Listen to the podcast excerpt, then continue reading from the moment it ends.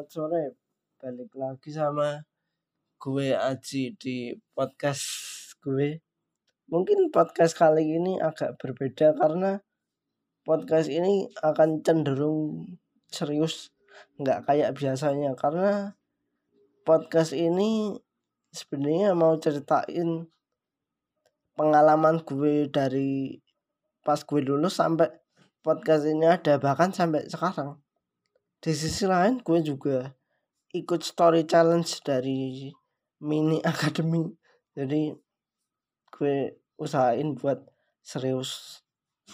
Dan buat lo yang nggak tahu kenalin gue Aji Nur Avianto biasa dipanggil nengok. Eh biasa dipanggil Aji. Gue orang Jogja. Gue difabel ya gue cerit eh, gue nggak perlu ceritain difabelnya gimana karena intinya gue difabel pakai kursi roda. Dan pertemuan gue sama mini akademi ini ceritanya agak panjang ya karena mungkin cerita ini diawali sama keinginan gue yang pengen S2 dan pasca gue lulus. Jadi gue lulus itu 13 Mei 2020 waktu itu pas puasa. 9 hari sebelum lebaran kayaknya. Jadi gue sidang tuh pas puasa dan itu pun online. Karena pandemi kan udah ada dan karena apa kepentok sama lebaran. Jadi proses yudisium sama wisuda gue itu agak agak lama. Padahal gue pengen banget segera apa persiapan buat daftar beasiswa apa pun buat S2 tapi apalah daya waktu waktu dan alam semesta berkata lain. Akhirnya gue wisuda tanggal 19 Agustus 2020. Kalau nggak salah tanggal 19 ya. Tapi seharusnya itu tanggal 5 Agustus. Dan itu pun online. Dan gue terima apa? Terima ijazah tuh bulan September atau Oktober lupa gue. Karena gue merasa bahwa kesempatan buat apa S2 daftar S2 dua, waktu tahun 2020 tuh sangat sempit banget karena gue dapat ijazah bulan September atau Oktober awal. Terus di sisi lain mau langsung S2 malah pandemi. Jadi ya mau nggak mau tetap gue pending itu apa itu rencana tetap gue gue pending gue tunda dulu.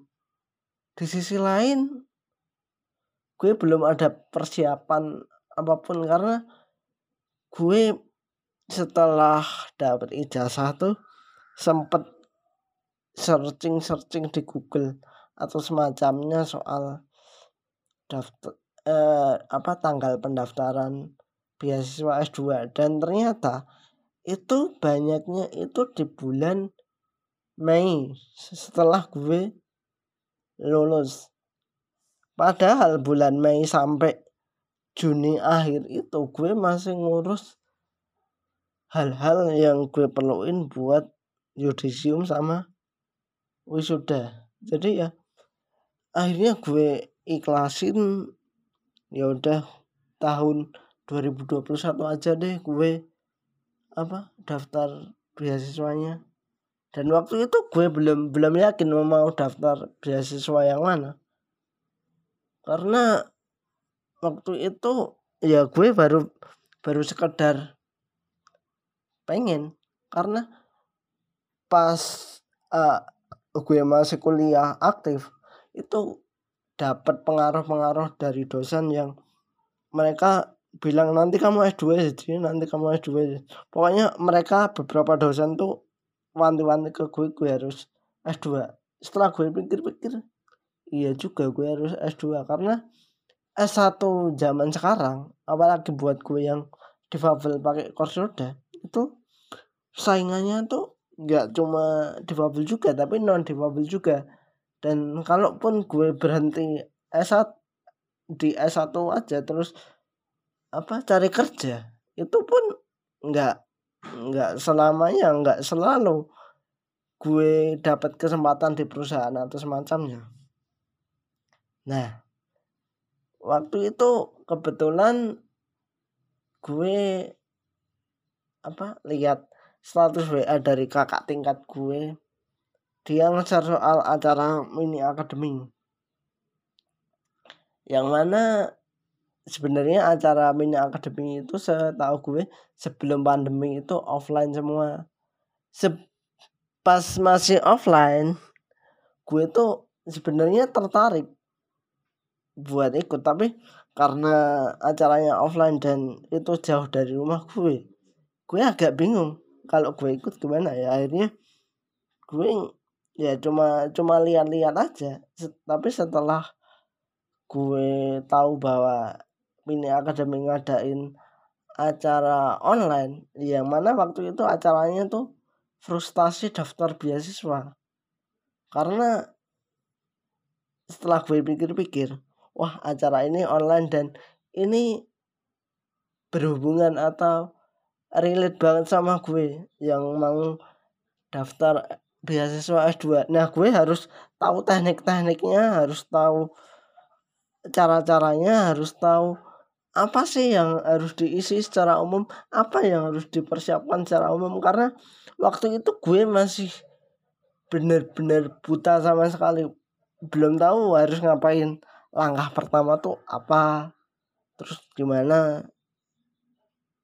Gue belum tahu. Nah akhirnya gue daftar di WA Mini Academy dan di hari H gue dapat insight dari dari Mas Faiz sama Pak Made Andi Arsana bahwa di Babel di luar negeri itu banyak loh yang lanjut S2 apalagi Pak Made Andi cerita soal Mas Taufik yang di Babel Netra yang dia S3 kayaknya S3 di Australia terus uh, pokoknya intinya memotivasi gue sebagai difabel bahwa masih ada kesempatan buat buat difabel untuk S2. Nah, tapi di sisi lain gue juga merasa insecure karena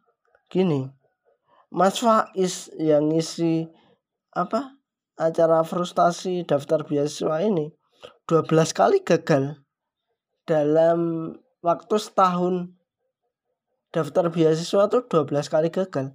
Nah gue insecure. Mas Faiz aja yang non difabel bisa gagal apalagi gue. Tapi setelah gue pikir-pikir gue cerna bahwa kata-kata Pak Andi sama Mas Faiz itu ada benarnya bahwa se seorang difabel tuh terbuka kesempatannya kalau di luar negeri. Pokoknya intinya tuh kata-kata tersebut yang menghilangkan insecure gue.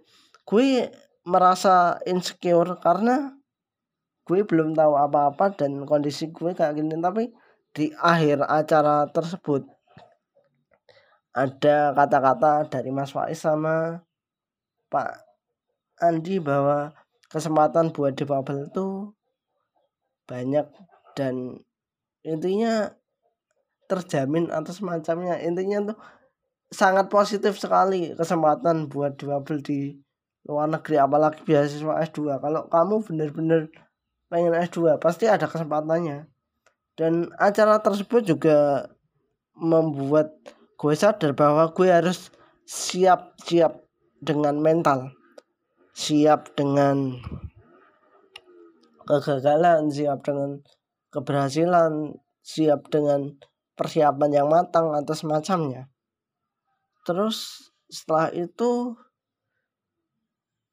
yang hadir di dalam diri gue yaitu kalau kamu mau ini ya udah. Jujur sama diri sendiri. Kalau kamu mau S2 ya udah.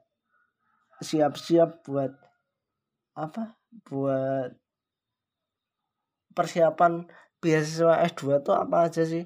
Setelah gue resum dari acara mini academy yang gue yang gue tahu adalah persiapan motivasi motivation letter sama apa recommendation rekomendasi terus apa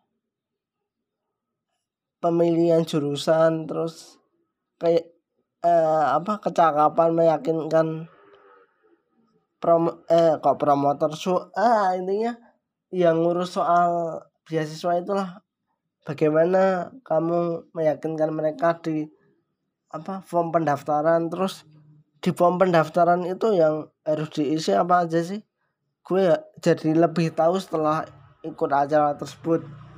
Dan yang gue pahami bahasa Inggris harus benar-benar siap.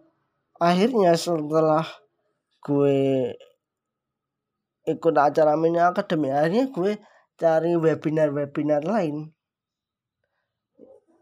Nah salah Nah, gue ikut salah satu webinar yang bahas soal LPDP dan karena di akhir acara tersebut itu ada kuis. Gue ikut kuis tersebut. Semua peserta ikutlah. Nah, kebetulan poin gue tuh 6 6 teratas apa ya? Nah, karena 6 karena gue termasuk 6 teratas akhirnya gue dapat reward buat les IELTS gratis selama sebulannya gue nggak sia-siain kesempatan les IELTS tersebut.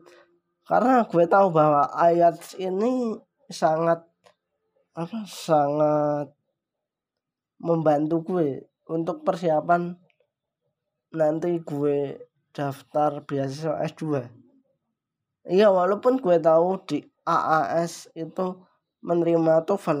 Tapi kan pada akhirnya gue tetap harus melaksanakan yang namanya tes IELTS dan skornya harus sesuai. Nah kalau nggak sesuai kan ya sudah. Terima kegagalan anda. Nah itu nggak gue sia-siain sama sekali. Setelah les IELTS gue makin pede buat apa daftar beasiswa terus gue semakin tahu form-form jenis apa yang akan gue hadapin terus isinya tuh gimana secara umum gue gue udah paham. Tapi tiba-tiba gue inget sama pesan dari Mas Faiz bahwa lulus di era pandemi itu emang berat tapi jangan menggunakan hal itu atau menyalahkan hal itu sehingga kamu bermalas-malasan atau semacamnya. Nah, karena hal tersebut gue akhirnya memutuskan buat buat itu menciptakan podcast ini.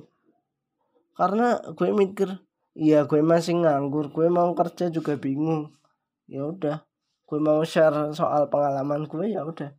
Di podcast aja gue buat podcast aja deh. Biar orang-orang tahu kisah gue itu gimana. Biar gue bebas ngomong apa pun yang mau gue omongin. Bahkan di podcast ini pun ada cerita di di mana pas gue kecil di mana pas gue SD SMP kayaknya SMA udah apa belum lupa gue. Pokoknya intinya karena karena kata-kata tersebut dan uh, apa semangat dari Mas Faiz terus motivasi dari Pak Andi akhirnya gue gue itu semangat buat daftar beasiswa S2 plus buat podcast ini. Terus pada bulan Maret apa ya? Itu mini academy bikin acara try out apa pengisian form AAS kan AAS bukanya tanggal 1 Februari 2021 nih. Dan berakhir tanggal 30 April tahun 2021 ya walaupun tanggalnya waktu itu di extended sih.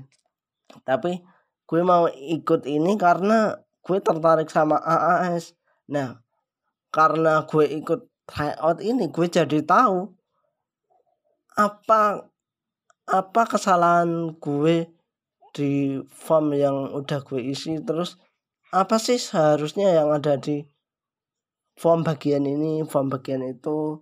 Oh ternyata harus menguatkan apa motivasi let motivation letter sama apa pemilihan jurusan. Alasan pemilihan jurusan tuh apa? Terus relate sama bidang pendidikanmu tuh bagian mana? Kamu bi harus bisa jelasin secara apa nyata bukan secara abstrak. Nah karena ikut tryout tersebut gue jadi tahu kesalahan gue adalah di A di B di C di D. Dan akhirnya gue bisa meminimalisir kesalahan gue waktu daftar AAS waktu itu dan sampai sekarang gue masih nunggu hasilnya. Dan semoga hasil tersebut nantinya akan baik. Dan waktu gue daftar AAS itu ada sebuah peristiwa yang nggak mengenakan yang membuat gue sempat nggak konsen di apa di pendaftaran beasiswa ini. Karena waktu itu kan pas puasa. Tanggal 13 apa 14 April 2021 kan normalnya kan itu sampai tanggal 30 nah tanggal 13 sampai 14 ini kan puasa akhirnya gue buru-buru buat daftar eh buat nyelesain apa pokoknya intinya apa yang gue tulis apa yang gue siapin di di apa di tulisan gue di form gue itu harus bener-bener udah matang gue juga harus bener-bener persiapan di TOEFL juga. Karena pada waktu itu TOEFL gue belum mencapai 500 jadi gue harus kejar-kejaran sama waktu. Terus apa deadline AAS terus apa draft pendaftaran gue harus benar-benar sempurna dengan versi gue sempurna versi gue. Tapi ada satu kejadian yang membuat hal itu buyar semua. Gue pas puasa kemarin sempet ketipu. 300 ribu gue hilang dari ATM karena ya ada faktor kesalahan gue juga. Gue ketipu dari pihak yang ngaku-ngaku dari e-wallet ceritanya cerita lengkapnya ada di podcast episode berapa gue langsung record pokoknya. Intinya tuh di situ. Gue juga mikir ini tuh pas mau lebaran atau semacamnya. Tapi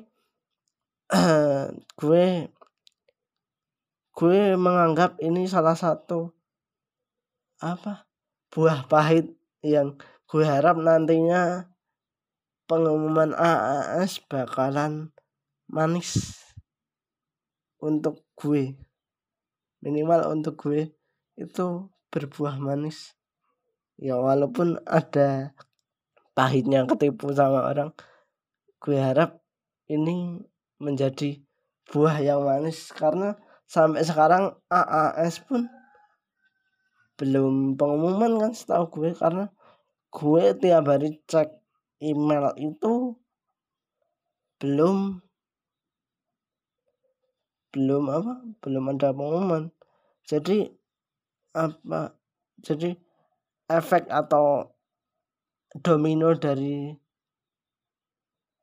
mini akademi ini sangat berpengaruh sama apa pola pikir gue terus apa keputusan gue buat podcast ini terus eh, teknik-teknik buat ngisi form itu banyak banget. Insight dari mini academy itu banyak banget.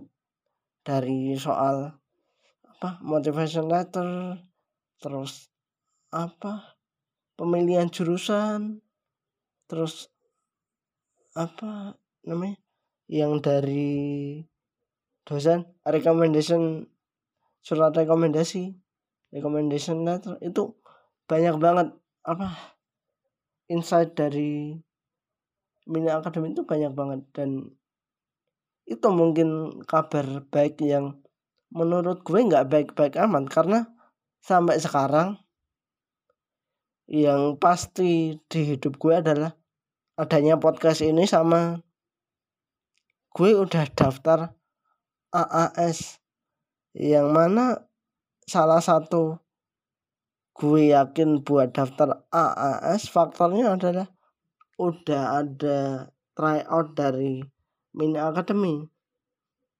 Ya walaupun ada kejadian gue ketipu. Nah pas gue ketipu ini beberapa hari kemudian mini academy itu bikin acara itu apa eh soal recommendation eh kok recommendation letter motivation letter. Anak gue mau ikut tapi kan gue habis ketipu akhirnya gue nggak ikut dan nggak apa-apa.